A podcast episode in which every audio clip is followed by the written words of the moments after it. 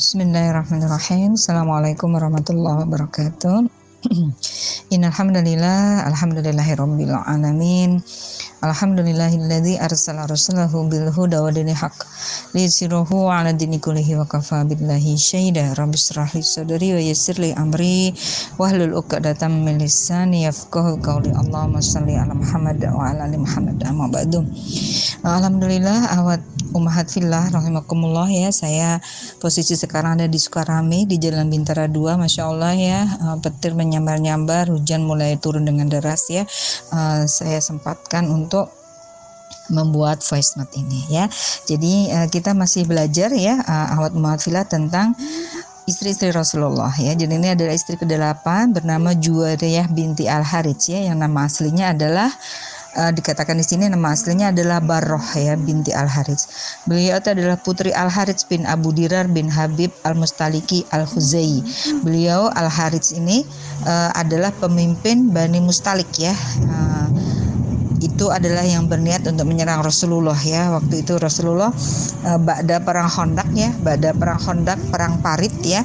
Jadi seluruh kota Madinah itu uh, dibuat parit parit ya dengan kedalaman sekitar 3 meter ya dengan lebar sekitar 7 meter gitu. Sehingga uh, kuda itu tidak bisa sekali melompat dan harus turun ke bawah gitu. Sehingga ketika turun itulah uh, mereka akan dipanah oleh pasukan kaum muslimin dari Madinah. Nah setelah Hondak setelah perang Hondak ya kemudian dilanjut dilanjutkan dengan perang Bani Lahyan dan juga perang Zikorot ya. Nah, saat itulah Rasulullah SAW uh, menang ya dalam perangan itu menang. Kemudian wanita Bani Mustalik ini digiring sebagai tawanan. Nah di antara mereka itu ada Baroh binti Al Harits bin Abu Dira bin Habib. Beliau adalah putri ya putri dari pemimpin Bani Mustalik.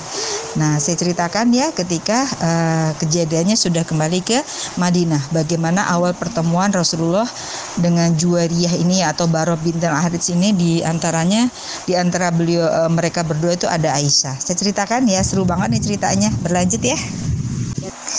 Saat itu beliau Rasulullah SAW sedang duduk di kamar Aisyah ya. Ketika itu terdengar suara seorang wanita meminta izin untuk bertemu Nabi. Kemudian Aisyah berdiri ia menghampiri pintu untuk mengetahui siapakah yang datang ya. Ternyata seorang wanita muda yang sangat cantik. Siapa pun yang melihatnya pasti tertarik kepadanya. Usianya sekitar 20 tahunan ya. Ia datang dengan gemetar dan ketakutan namun justru itu semakin membuatnya cantik. Disebutkan dalam riwayat ya Sayyidah Aisyah Ummul Mukminin kala itu menutur menyebutkan tentang seorang tawanan wanita yang cantik. Ia berkata, ketika Rasulullah membagi-bagikan para tawanan Bani Mustalik, Juwariyah binti Al-Haris jatuh dalam bagian Sabit bin Qais bin Shimas Al-Ansari. Kemudian Juwariyah menebus diri dengan membayar secara diangsur. Juwariyah adalah sosok wanita menawan. Siapa pun yang melihatnya pasti akan tertarik. Ketika Nabi ada di rumahku, tanpa diduga Juwairiyah masuk menemui Rasulullah untuk meminta bantuan biaya tebusan untuk kemerdekaannya. Demi Allah, saat aku melihatnya di pintu kamar, kata Bunda Aisyah ya, aku merasa tidak suka ia masuk menemui, eh, menemui Nabi. Aku tahu Nabi pasti memandang kecantikannya seperti yang kulihat. Wanita muda dan cantik itu masuk lalu mengatakan sambil memelas ya, wahai Rasulullah, Aku putri Al-Harits bin Abu Dirar, pemimpin Bani Mustalik. Aku tertimpa musibah seperti yang engkau ketahui. Aku jatuh dalam bagian milik Sabit bin Qais bin Shimashi. Dan aku ingin menebus diriku dengan cara membayar secara angsur. Ini aku datang meminta bantuan padamu untuk kemerdekaanku. Ya, Nah Masya Allah ya, uh, Ahwat Umahatillah, tak kebayang gitu ya uh, gimana perasaan Rasulullah ya melihat wanita yang lemah kemudian meminta bantuan seperti itu ya.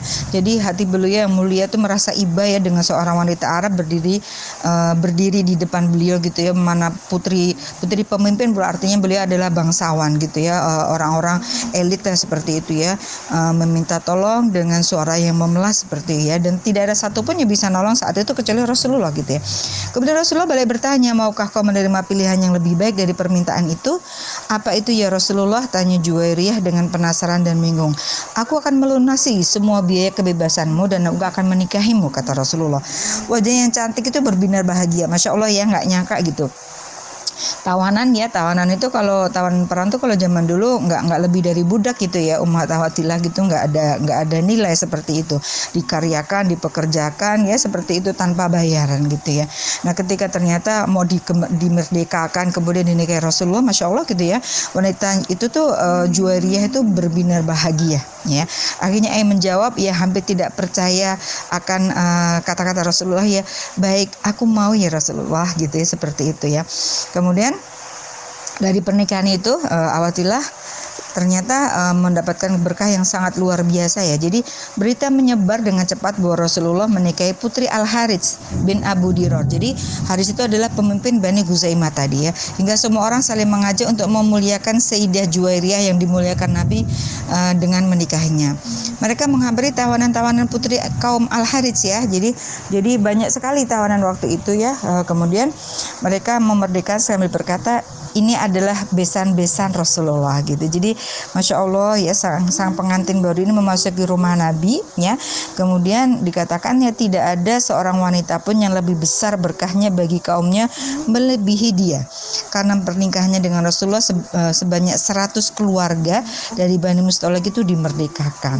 Masya Allah ya. Jadi awal Mu'anfilah salah satu tanda ya salah satu tanda berkahnya pernikahan itu adalah ketika ternyata dari awal pernikahannya saja itu sudah menunjukkan tanda-tanda kebaikan ya termasuk uh, Baroh ini ya uh, Baroh binti Al Haris atau dikasih nama Rasulullah dengan nama Juwairiyah binti Al Haris ya 100 keluarga. Bukan 100 orang ya watillah umatillah tapi adalah 100 keluarga. Ya seperti itu uh, kemudian sepanjang hidupnya Juwaria ini uh, termasuk terberkahi ya saat-saat bahagia ya ketika bertemu Nabi ya hingga ia terhindar dari aib menjadi seorang budak gitu Masya Allah ya. Jadi uh, dalam salah satu riwayat juga Aisyah bercerita ya bagaimana uh, beliau itu ya Bunda Aisyah yang membuka pintu melihat uh, Juwaria ini ya dengan getir dan pedih gitu ya karena yang namanya di madu itu kan nggak suka ya dan Bunda Aisyah ini adalah istri Rasulullah yang paling pencemburu ya.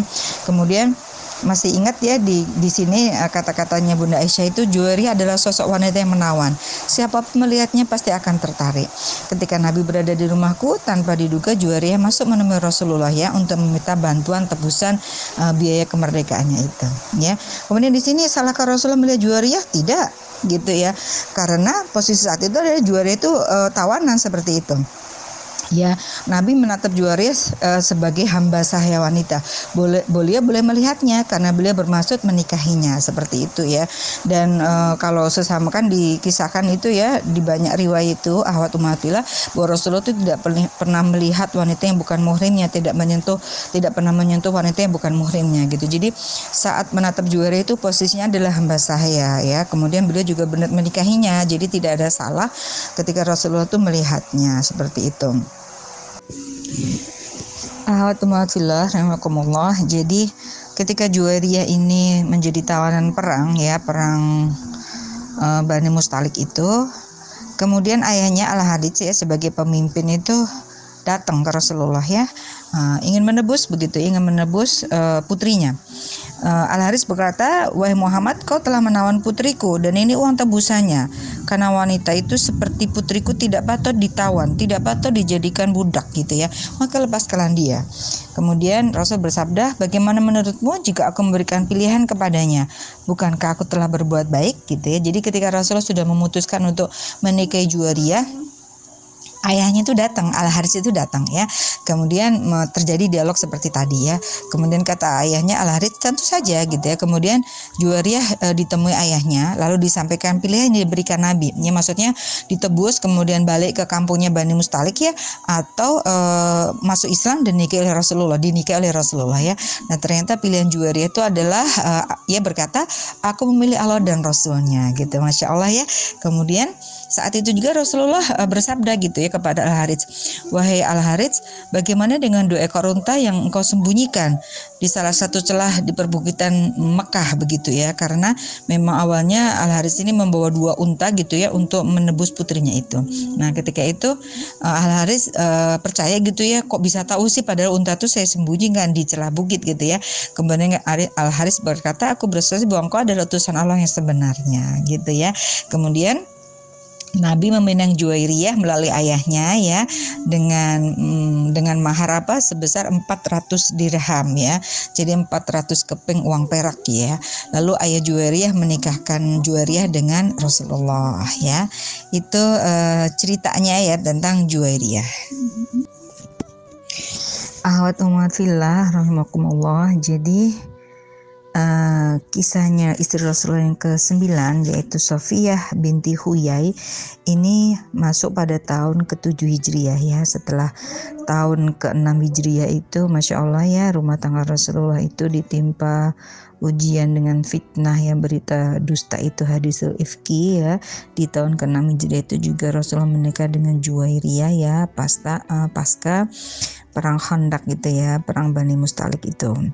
Berikutnya kita masuk ke tahun ke-7 Hijriah yaitu Sofiyah binti Huyai, istri Rasulullah yang ke-9. Jadi itu uh, terjadinya adalah perang Khaybar ya. Jadi perang Khaybar itu adalah perang kaum muslimin dengan orang-orang Yahudi yaitu pada bulan Muharram ya, pertengahan bulan Muharram tahun 7 Hijriah gitu. Jadi uh, orang Yahudi ini selamanya ya mereka tidak rela gitu ya ketika uh, Rasulullah itu menjadi utusan Allah menjadi nabi yang terakhir itu mereka nggak rela karena mereka berharap nabi terakhir itu adalah dari kaumnya dari golongannya begitu ternyata Allah pilih dari orang-orang Arab. Jadi mereka begitu dengki ya, begitu iri gitu ya terhadap Rasulullah itu. Sehingga pada awal tahun ke-7 Hijriah ini Rasulullah uh, menyiapkan pasukannya menuju Khaybar ya untuk menyerang orang-orang Yahudi. Nah, alhamdulillah kemenangan ada pada kaum muslimin ya. Benteng Khaybar itu runtuh ya. Jadi eh, benteng-benteng kaum Yahudi itu berhasil ditaklukkan ya satu persatu ya. Bahkan orang-orang yang lelaki dari uh, kaum Khaybar itu dibunuh karena kemudian wanitanya ditawan. Nah, termasuk salah satu dari wanita Bani Nadir. Jadi Bani Nadir ini adalah salah satu bani-baninya kaum Yahudi ya yang bernama Sofia binti Huyai bin Akhtab ya. Jadi uh, Sofia ini awat mafilah nasabnya itu terhubung sampai kepada Nabi Harun ya. Saudaranya Nabi Musa ya ibunya bernama Baroh binti Samuel. Jadi uh, apa itu Bunda Sofia ini Masya Allah ya memang benar-benar orang Yahudi gitu. Karena keturunannya itu sampai nasabnya itu sampai kepada Nabi Harun saudaranya Nabi Musa. Nah Sofia Sofia ya waktu uh, terjadinya perang Khaybar ini usianya belum genap 17 tahun ya. Tapi beliau sudah menikah dua kali ya dengan orang Yahudi.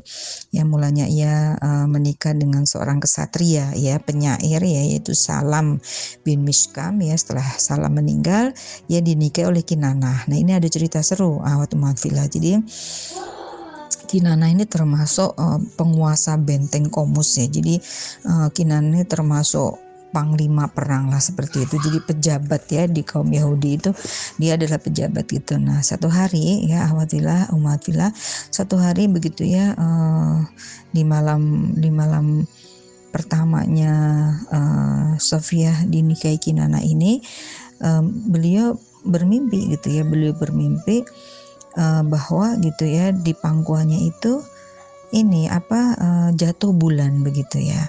Nah terus kemudian uh, Sofia ini bercerita kepada Kinana dan Kinana marah ya. Kemudian Sofia tuh ditampar ya, wajahnya itu ditampar seperti itu ya, sampai apa ya ada luka begitu ya, ada luka di dekat wajahnya itu ya seperti itu ya. Terus kemudian uh, saat sudah menjadi istri Rasulullah itu Rasul bertanya ada apa? Gitu ya dengan ini bagian dekat mata atau pokoknya di di bagian wajah lah seperti itu ya. Ada apa? Begitu. Kemudian uh, Sofia menceritakan itu. Ditampar oleh suaminya Kinanah ya karena uh, dari mimpinya itu dari mimpinya itu uh, Kinana itu membaca membaca alur gitu ya bahwa ternyata kamu tuh menyukai itu uh, apa itu Muhammad katanya begitu ya. Jadi ini nanti saya fotoin ya, saya fotoin Raja Hijaz disebutnya Rasulullah itu Raja Hijaz. Saya fotoin kisahnya bagaimana Rasulullah itu ketika pertama kali menemui Sofia itu ya ini apa ada luka begitu ya di dekat di dekat matanya seperti itu. Ahwat umat filah rahimakumullah. Jadi tentang Sofia uh, binti Huyai ini, uh, uh, kita tahu ya orang Yahudi itu cantik-cantik gitu ya kayak itu kan kayak orang Eropa gitu tinggi mancung seperti itu ya. Nah, termasuk Safia binti Huya ini beliau itu uh, terkenal cantik seperti itu. Cantik usianya juga masih 17 tahun seperti itu ya. Terus kemudian beliau juga anak pejabat gitu ya artinya beliau itu adalah orang-orang uh, pemimpin istri pemimpin begitu. Nah itu membuat para istri Rasul yang lain cemburu gitu ya. Jadi ketika Ba'da perang Khaybar ini, setelah perang Khaybar ini Rasulullah mengajak Sofia pulang ke Madinah ya. Jadi Sofia itu didudukkan di belakang Rasulullah naik unta begitu kemudian ditutupin ya dengan uh, pakaian Rasulullah artinya uh, Sofia ini adalah beliau pilih begitu ya untuk menjadi istrinya. Nah ternyata dalam perjalanan itu untanya itu terjatuh sehingga Sofia juga terjatuh begitu dari unta. Saya juga nggak ngebayangin ya awatilah gimana lah seperti itu ya kondisinya gitu. Nah ketika itu ternyata um, banyak orang yang suka gitu. Maksudnya suka tuh berarti kata ketika Sofia itu mendapatkan musibah itu banyak yang suka begitu. Karena mereka asli bener ya nggak suka dengan orang Yahudi ya. Yahudi yang selama ini banyak membuat makar-makar uh, dan sebagainya seperti itu. Nah kemudian Melihat kondisi begitu, maka Sofia ini tidak dibawa masuk ke Madinah ya. Artinya tidak dibawa tidak dibawa langsung masuk ke rumah istri ke rumah Rasulullah gitu ya. Jadi uh, dititipkan ya Safiyah bintu Huya ini dititipkan di rumah salah satu sahabat Rasulullah begitu ya. Nah, saat itulah banyak sekali gitu ya, banyak sekali eh, wanita-wanita uh, Madinah dan juga istri-istri Rasul itu yang ingin melihat kecantikan Safiyah gitu ya. Jadi sampai uh, apa itu sampai datang gitu ya hanya untuk pengen melihat kayak mana sih Rasulullah yang baru ini seperti itu ya. Ya begitu ya. Jadi dititipkan di rumahnya Bani Amr bin Auf seperti itu uh, Afan Ahwat Umat Villa jadi Sofia ini dititipkannya di rumah Harisah ya binti An-Nu'man Al-Ansyari gitu ya. Jadi Sofia tidak langsung dibawa ke rumah Rasulullah begitu tapi dititipkan di rumah sahabat beliau yaitu Harisah binti An-Nu'man Al-Ansyari. Nah, waktu mahfilah di sini ada kisah yang luar biasa sekali ya yang ingin saya sampaikan di sini kalau diketik lama jadi saya pakai voice note ya. Jadi saat di uh, tenda Khaybar itu ya belum meninggalkan Khaybar gitu ya. Jadi uh, ini awatilah ada sahabat namanya Abu Ayyub ya Abu Ayyub al Anshari gitu. Jadi semalaman itu setelah Rasulullah menikah dengan Sofia ya gitu. Jadi Abu Ayyub ini semalaman itu menjaga tenda Rasulullah gitu ya. Semalaman tanpa Rasulullah itu tahu gitu. Nah ketika memasuki waktu subuh beliau melihat ya gerak-gerik Abu Ayyub itu. Kemudian beliau bertanya gitu kamu kenapa wahai Abu Ayyub? gitu. Kemudian Abu Ayyub menjawab ya Rasulullah aku mengkhawatirkan keselamatan kamu dari wanita itu, karena engkau telah membunuh ayah, suami, dan kaumnya. Dia juga belum lama meninggalkan kekafiran, karena itulah aku takut dia mengancam keselamatanmu. Masya Allah ya. Kemudian Rasulullah mendoakan Abu Ayub, ya ya Allah, jagalah Abu Ayub sebagaimana ia menjagaku semalaman. Atau beliau mengatakan, semoga Allah merahmatimu, wahai Abu Ayub, sebanyak dua kali. Ya, jadi di sini terbukti ya betapa kecintaan para sahabat kepada Rasulullah itu luar biasa begitu ya. Uh, meskipun wanita itu sudah dinikahi gitu ya, tetapi uh, ini kan baru masuk Islam, ayahnya terbunuh, ya suaminya terbunuh gitu. Jadi Abu Ayyub ini melindungi Rasulullah itu sampai semal semalaman tuh seperti itu. Kemudian sebelum Rasulullah menikahi Sofia ini ada juga wanita Yahudi ya dari Khaybar ini yang bernama Zainab binti Al Harits ya Zainab binti Al Harits jadi uh, wanita itu termasuk ini ya apa suaminya meninggal gitu ya karena dibunuh oleh kaum muslimin. Jadi Zainab ini datang menemui Nabi ya dengan membawa paha unta tapi ya paha unta maaf uh, di sini paha domba ya. Jadi Rasulullah itu paling suka daging domba bagian bagian paha begitu ya. Dan ternyata daging itu dibubui racun. Ya masya Allah ya. Jadi Zainab binti Al Haris ini benci sekali kepada Rasulullah karena sudah membunuh suaminya dan dia berniat untuk membunuh Rasul gitu. Jadi dibawa itu daging domba yang panggang gitu ya. Nah terus kemudian saat itu ada sahabat Rasul ya yang ikutan makan namanya Bishr Bishr bin Al Baro ya. Jadi uh, Bishr itu langsung makan gitu ya. Ternyata di situ ada racunnya dan Bishr itu meninggal. Nah ketika Rasulullah mau memakannya itu ya jadi uh, Rasul bersabda kau uh, daging ini telah mengatakan kepadaku ya bahwa ya bahwa ternyata di dalamnya ada racunnya seperti itu ya Sungguh tulang daging ini memberitahukan kepadaku bahwa dalam daging tersebut diracuni. Kemudian Rasul memanggil Zainab binti Al-Harits itu. Kenapa engkau melakukan hal ini gitu? Kemudian apa? Jawab Zainab, kau telah memperlakukan kaumku seperti yang telah engkau ketahui sendiri sehingga aku berkata, jika memang engkau seorang nabi, ya pasti engkau akan diberitahu bahwa daging ini beracun. Namun jika seorang raja, aku bisa terhindar darinya gitu. Masya Allah ya uh, Ahmad Matila. Jadi setelah Zainab itu dipanggil dan ditanya, Nabi pun memaafkannya gitu. Jadi ya sudah gitu. Gak disiksa nggak diapa itu Zainab binti Al Haris yang sudah berniat untuk meracuni Rasulullah itu. Para wanita Ansor yang tinggal di Madinah ya, begitu mendengar berita tentang Sofia, wanita Yahudi yang cantik, yang jadi tawanan perang, kemudian dinikah oleh Rasulullah gitu ya, mereka itu pada penasaran ya, mereka penasaran dan berdatangan ingin melihat kecantikannya ya. Nah saat itu Nabi melihat Aisyah keluar dengan mengenakan penutup muka. Jadi semuanya ditutup gitu supaya nggak ketahuan. Karena jujur aja Aisyah itu kan pasti malu gitu ya kalau ketahuan pengen ngelihat madunya seperti apa gitu. Tapi beliau tuh penasaran sekali gitu, penasaran sekali dengan eh, berita-berita uh, kecantikan Sofia ini gitu. Nah saat Aisyah keluar rumah dengan mengenakan penutup muka itu awatilah jadi Rasul itu mengikuti Aisyah dari kejauhan dari kejauhan ya. Jadi uh, beliau itu mengikuti Aisyah dari kejauhan kemudian beliau melihat bagaimana uh, Aisyah itu masuk ke rumah Harisah binti Anuman. Nah setelah itu beliau Rasulullah ini menunggu sampai Aisyah keluar rumah Lalu beliau menghampiri Aisyah dan bertanya, bagaimana menurutmu wahai wanita pirang gitu. Jadi uh, saya membayangkannya itu luar biasa begitu ya uh, godaan-godaannya Rasulullah kepada Aisyah ini gitu ya. Bagaimana menurutmu wahai wanita pirang gitu ya. Nah, ditanya begitu Aisyah lari ya dengan rasa cemburu menggelora gitu. Setelah itu ia menggerakkan pundak dan berkata, Aku melihat wanita Yahudi seperti itu ya. Atau riwayat ini menyatakan di antara wanita-wanita Yahudi gitu ya.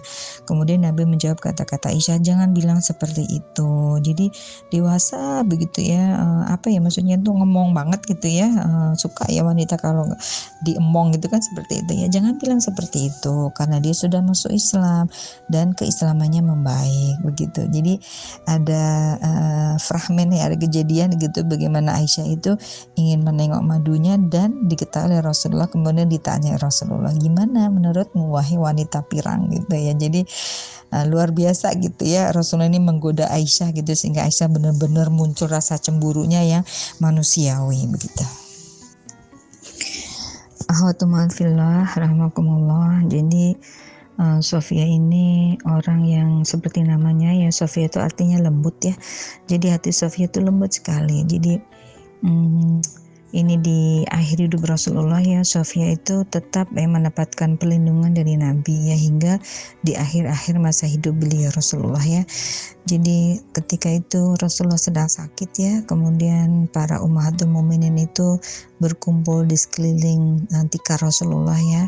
Saat menderita sakit itu Sofia berkata gitu demi Allah wahai Nabi Allah andai saja yang menimpamu itu menimpaku gitu. Artinya oh, sakit ini biar aku saja yang merasakan. Ya Allah jangan engkau gitu ya. Ternyata istri-istri beliau yang lain itu mencibir dengan isyarat mata. Masya Allah ya kebayangnya gimana suasana rumah tangga Rasulullah gitu. Istri-istri beliau lainnya tuh mencibir dengan isyarat mata gitu ya.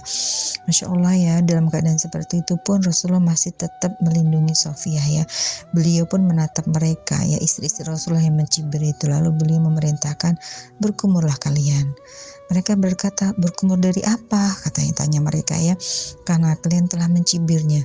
demi Allah dia jujur jawab beliau jadi artinya ketika Sofia mengucap, mengucapkan kata-katanya itu ya Allah uh, seandainya itu menimpaku ya Rasulullah jangan menimpamu itu jujur maksudnya karena cintanya karena sayangnya begitu menyatakan itu tapi dasar para madu gitu ya jadi uh, mereka tuh mencibir dan ternyata ditegur oleh Rasulullah gitu ya sampai seperti itu ya kemudian uh, Al Mustafa ya pulang ke haribaan Allah ya hingga Sofia itu uh, kehilangan perlindungan ya. Namun ya tidak satu orang pun yang lupa bahwa Sofia adalah keturunan Yahudi. Dan mereka tidak sungkan-sungkan gitu ya untuk uh, melekatkan julukan itu kepadanya. Meski keislamannya sudah membaik ya dan sudah menikah dengan Nabi. Jadi ternyata uh, Umar Eh, kekotoran hati, kedengkian hati itu dari zaman dulu sudah ada ya, bukan cuma sekarang gitu, bukan cuma sekarang seperti itu. Nah, ini ada satu kisah lagi eh, saat Sofia itu uh, masih hidup gitu ya, masih diberikan umur saat uh, Khalifah Umar bin Khattab. Saya ceritakan setelah yang satu ini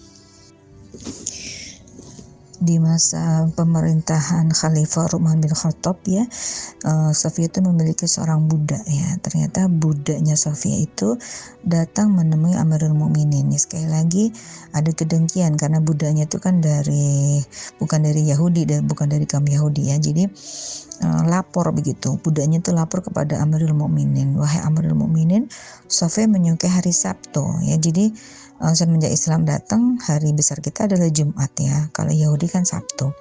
Jadi dilaporkan begitu Sofia menyukai hari Sabtu dan menyambung hubungan dengan orang Yahudi. Ya Umar kemudian menemuinya menemui Sofia dan bertanya kepadanya. Sofia menjawab terkait hari Sabtu, aku sudah tidak lagi menyukainya setelah Allah memberi ganti hari Jumat untukku. Adapun Yahudi, aku punya kerabat di antara mereka. Aku harus menyambung hubungan silaturahmi dengan mereka. Maksudnya eh, budaknya ini curiga, was-was seperti itu ya. Nah setelah itu Sofia itu tidak memarahi loh, tidak memarahi budak wanitanya itu. Justru bertanya baik-baik itu. Apa yang mendorongmu melakukan hal itu? Kemudian budaknya itu menjawab setan gitu ya. Kemudian habis itu Sofia berkata apa coba pergilah kau merdeka. Masya Allah ya. Jadi uh, sebegitu bijaknya sebegitu pemaafnya ya Sofia ini sampai ternyata uh, budak yang sudah budak itu kalau sampai ngelaporin tuanya itu kan ngelunjak jatuhnya begitu ya. Ternyata